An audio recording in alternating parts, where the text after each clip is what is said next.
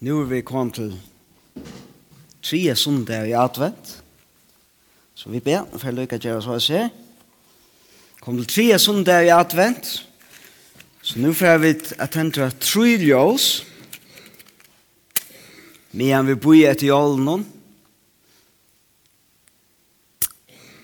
Så jeg ser her, første og... Ja. Og tre her. Ja. Og så færer vi til tredje parst i søvne tjokk. Vi enda av sust fer vi er Gabriel Angelen hei akkurat bjerga Jakob.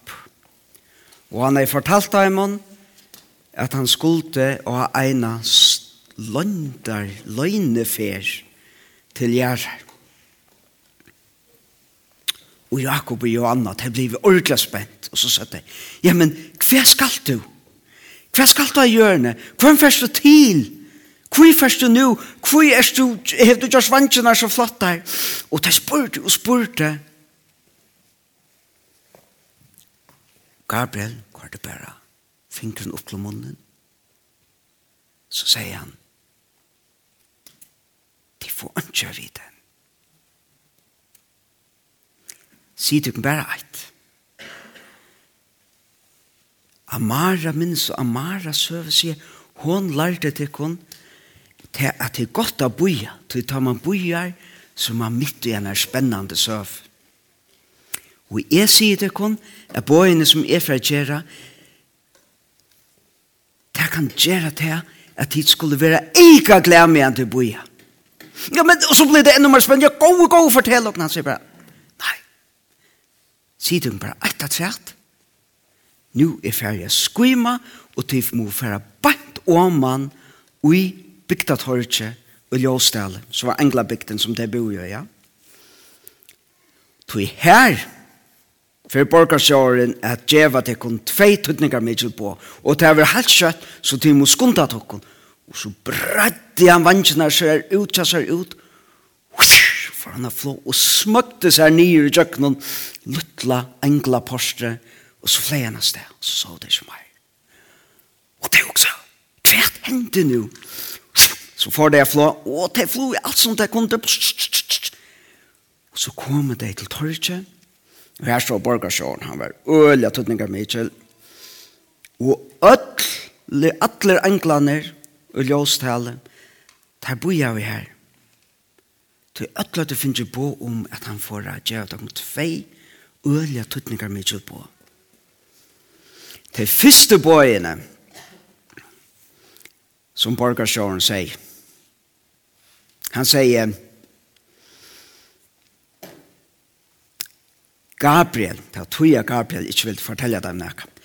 Han sier, Gabriel er færen og en øyelig tøtninger mye fer til gjerrer, tog han skal færa til en kone, som er en av tøtninger miklasta, som er faktisk den tøtninger miklasta, konan av alle hjørne, bare nå. Og han færa sia vi henne, tu erst ordliga signa. Tui a god hever valt her tu skalt fua. Kongen som skal komme. Minnes, minnes det, tversom der så han fortalte den om at en konger skulle komme, som skulle gjøre alt godt etter.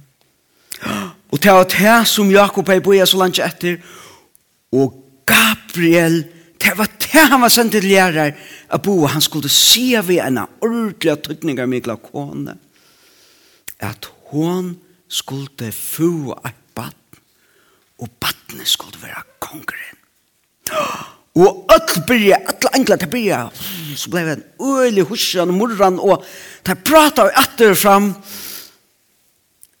Og så sier borgarsjåren, ja, jeg veit vi da öll byrja etter hese stundene. Og om nutje manar så fer han a vera føtter, og her, her vi er så enn i vi vujtjande tog er spent. Hva er han på? Hva er han på? Så sier han til såleis at om nudje maner skal til største engla kåre som nekrande er savn. Det skal til gjerrar og det skal synja for noen folk av gjørne om at kongeren nu er født. Ja? Det er konan som Gabriel var ferdig til. Hun fikk bare vite at nu skulle hun bli på veien vi, vi er kongen. Men da kongeren skulle bli født og noe måneder, så skulle det hette englakåret som var tusenvis og tusenvis og tusenvis av englene. Det skulle nye tilgjærer og Og så skulle det synge for noen folk om at endelig var kongeren fatter som at boja vet. Og så sier borgersjåren, og det er det anglar bæg ur stårstegi som her som var midt i anglalanden og eisene fra ötlun anglabygden atla veien rundan om det skulle anglar fra ötlun bygden være vi i anglakornen og eisne engla bøtten. Og så sier han, nu færre jeg å lese nøvnene opp av teimon som skulle ur ljøstelle til å være i engla kornen.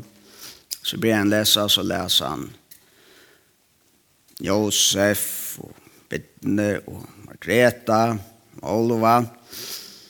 Så får han noen kni, og så knapper jeg Jakob, Johanna, Johanna, til Jakob i ånden på ham. Vi skulle være vi, og i engla kornen. Og det tror du ikke at det første fer, de skulle og vantja tjena seg til gjerre. Og så var det en av de viktigaste tingene som alltid er det største kår som nekran det er. Ta var det glede at jeg hadde sånn ikke vel vi i skolen ta det lærte jeg sånn ikke. Og så sier borgersjåren, Nu skulle tid, öll som er kornon, til skulle til stårste, og her skulle tid byggva, og her skulle tid trena, og i nudje måneder, så tid lærer å synge det halvt, halvt, halvt perfekt. Og Janne og Jakob, de flue så vi hin, og enkelen skulle være kornon til stårste, og jeg snakker vaksne engler som kunne passe på deg, og Jakob er unga det å være stårste, og ta han kom her, så var han ivrasket. Så han er aldri seg så hva bygningar for, og han er aldri seg så nekva enklar for. Enklaren her, det var så nekver at det er flo om åman tjekken veien, så måtte jeg flikva i flere flav til det var så nekver. Og så tar det kommet til via mot, så står det sånn stor fakla, akkurat som vi der jordskilter i følgene. Her, hvis det var blått, så kunne man flikva i tjekken, og hvis det var appelsinkål, så måtte man stekka.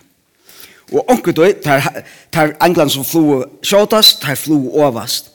Og onker, hvis omkring er ordentlig nekva skund, så glömte han å hitja til ljøsnån, så rente han inn i en annan angel, og så rente han inn i en annan, så dutte der nere, England som var flaunen i under, og så blei bare alt en stor bunch av England, som det tok ordentlig lenge tog jeg få på plassat.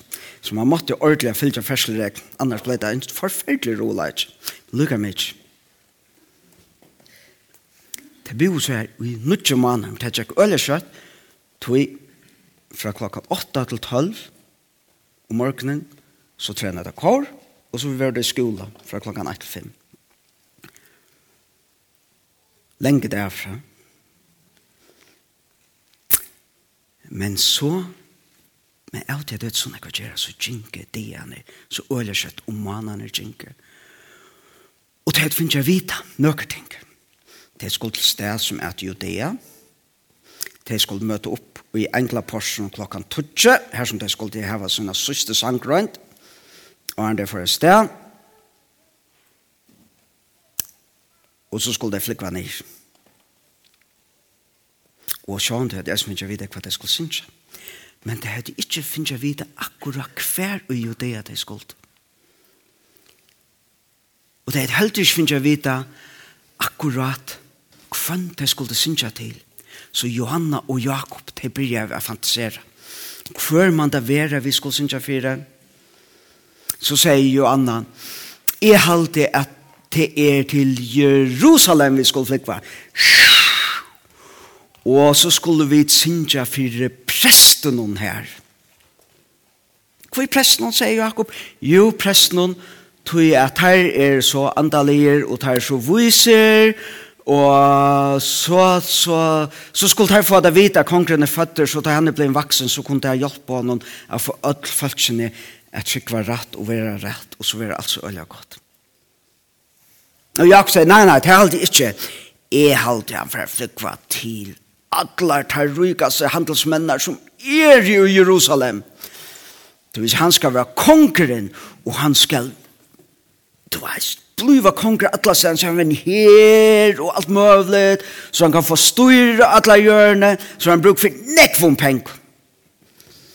Så er vant jeg det verir forretningsmenner så sier Johanna nei men kanska fer han bare skulle synsja fyrir kongen hon er Herodes til for jeg passa jeg har sann ordentlig bort nei nei nei nei men, men kanska skulle vi akkurat som setan på plåss så har han en 20-30 år å lære seg å føre seg pent på, og så skal han hjelpe til ordentlig kongen å få alt på plass. Og så les fantasere deg om, til det visste at de som de får jeg synes synge fire, de måtte være nøkker av de aller, aller viktigste folkene gjør det. Akkurat lukka som hadde kona Gabriel vært ferdig til, de måtte være kanskje en drottning eller også en fin, fin kona. Og så la stinket det gjerne. Og så kom dæveren. Ta det skulle flikva nys. Tjekk noen enkla. Og til fer, og til gjør seg jeg kom til enkla poste.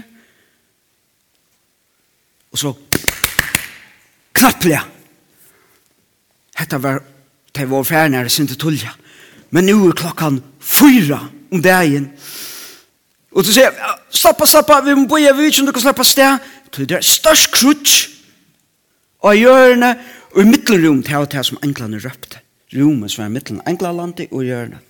Jeg sier, vi kunne sted enn, du vet, har sett det ordentlig størst krutsk og en angel kom her og annar vankeren var svien, han var en her angel og ytsta li og hinn var var kokt og han tjekker så og han sier, hu, hu, hva skal jeg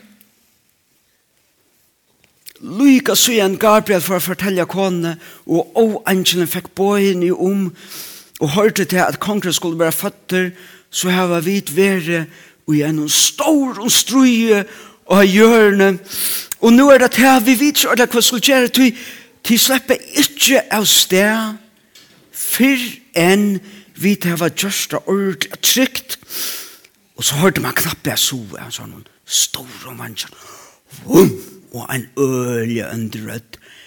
Nu kom jeg imot tikkum. Og så har jeg vidt mer neste.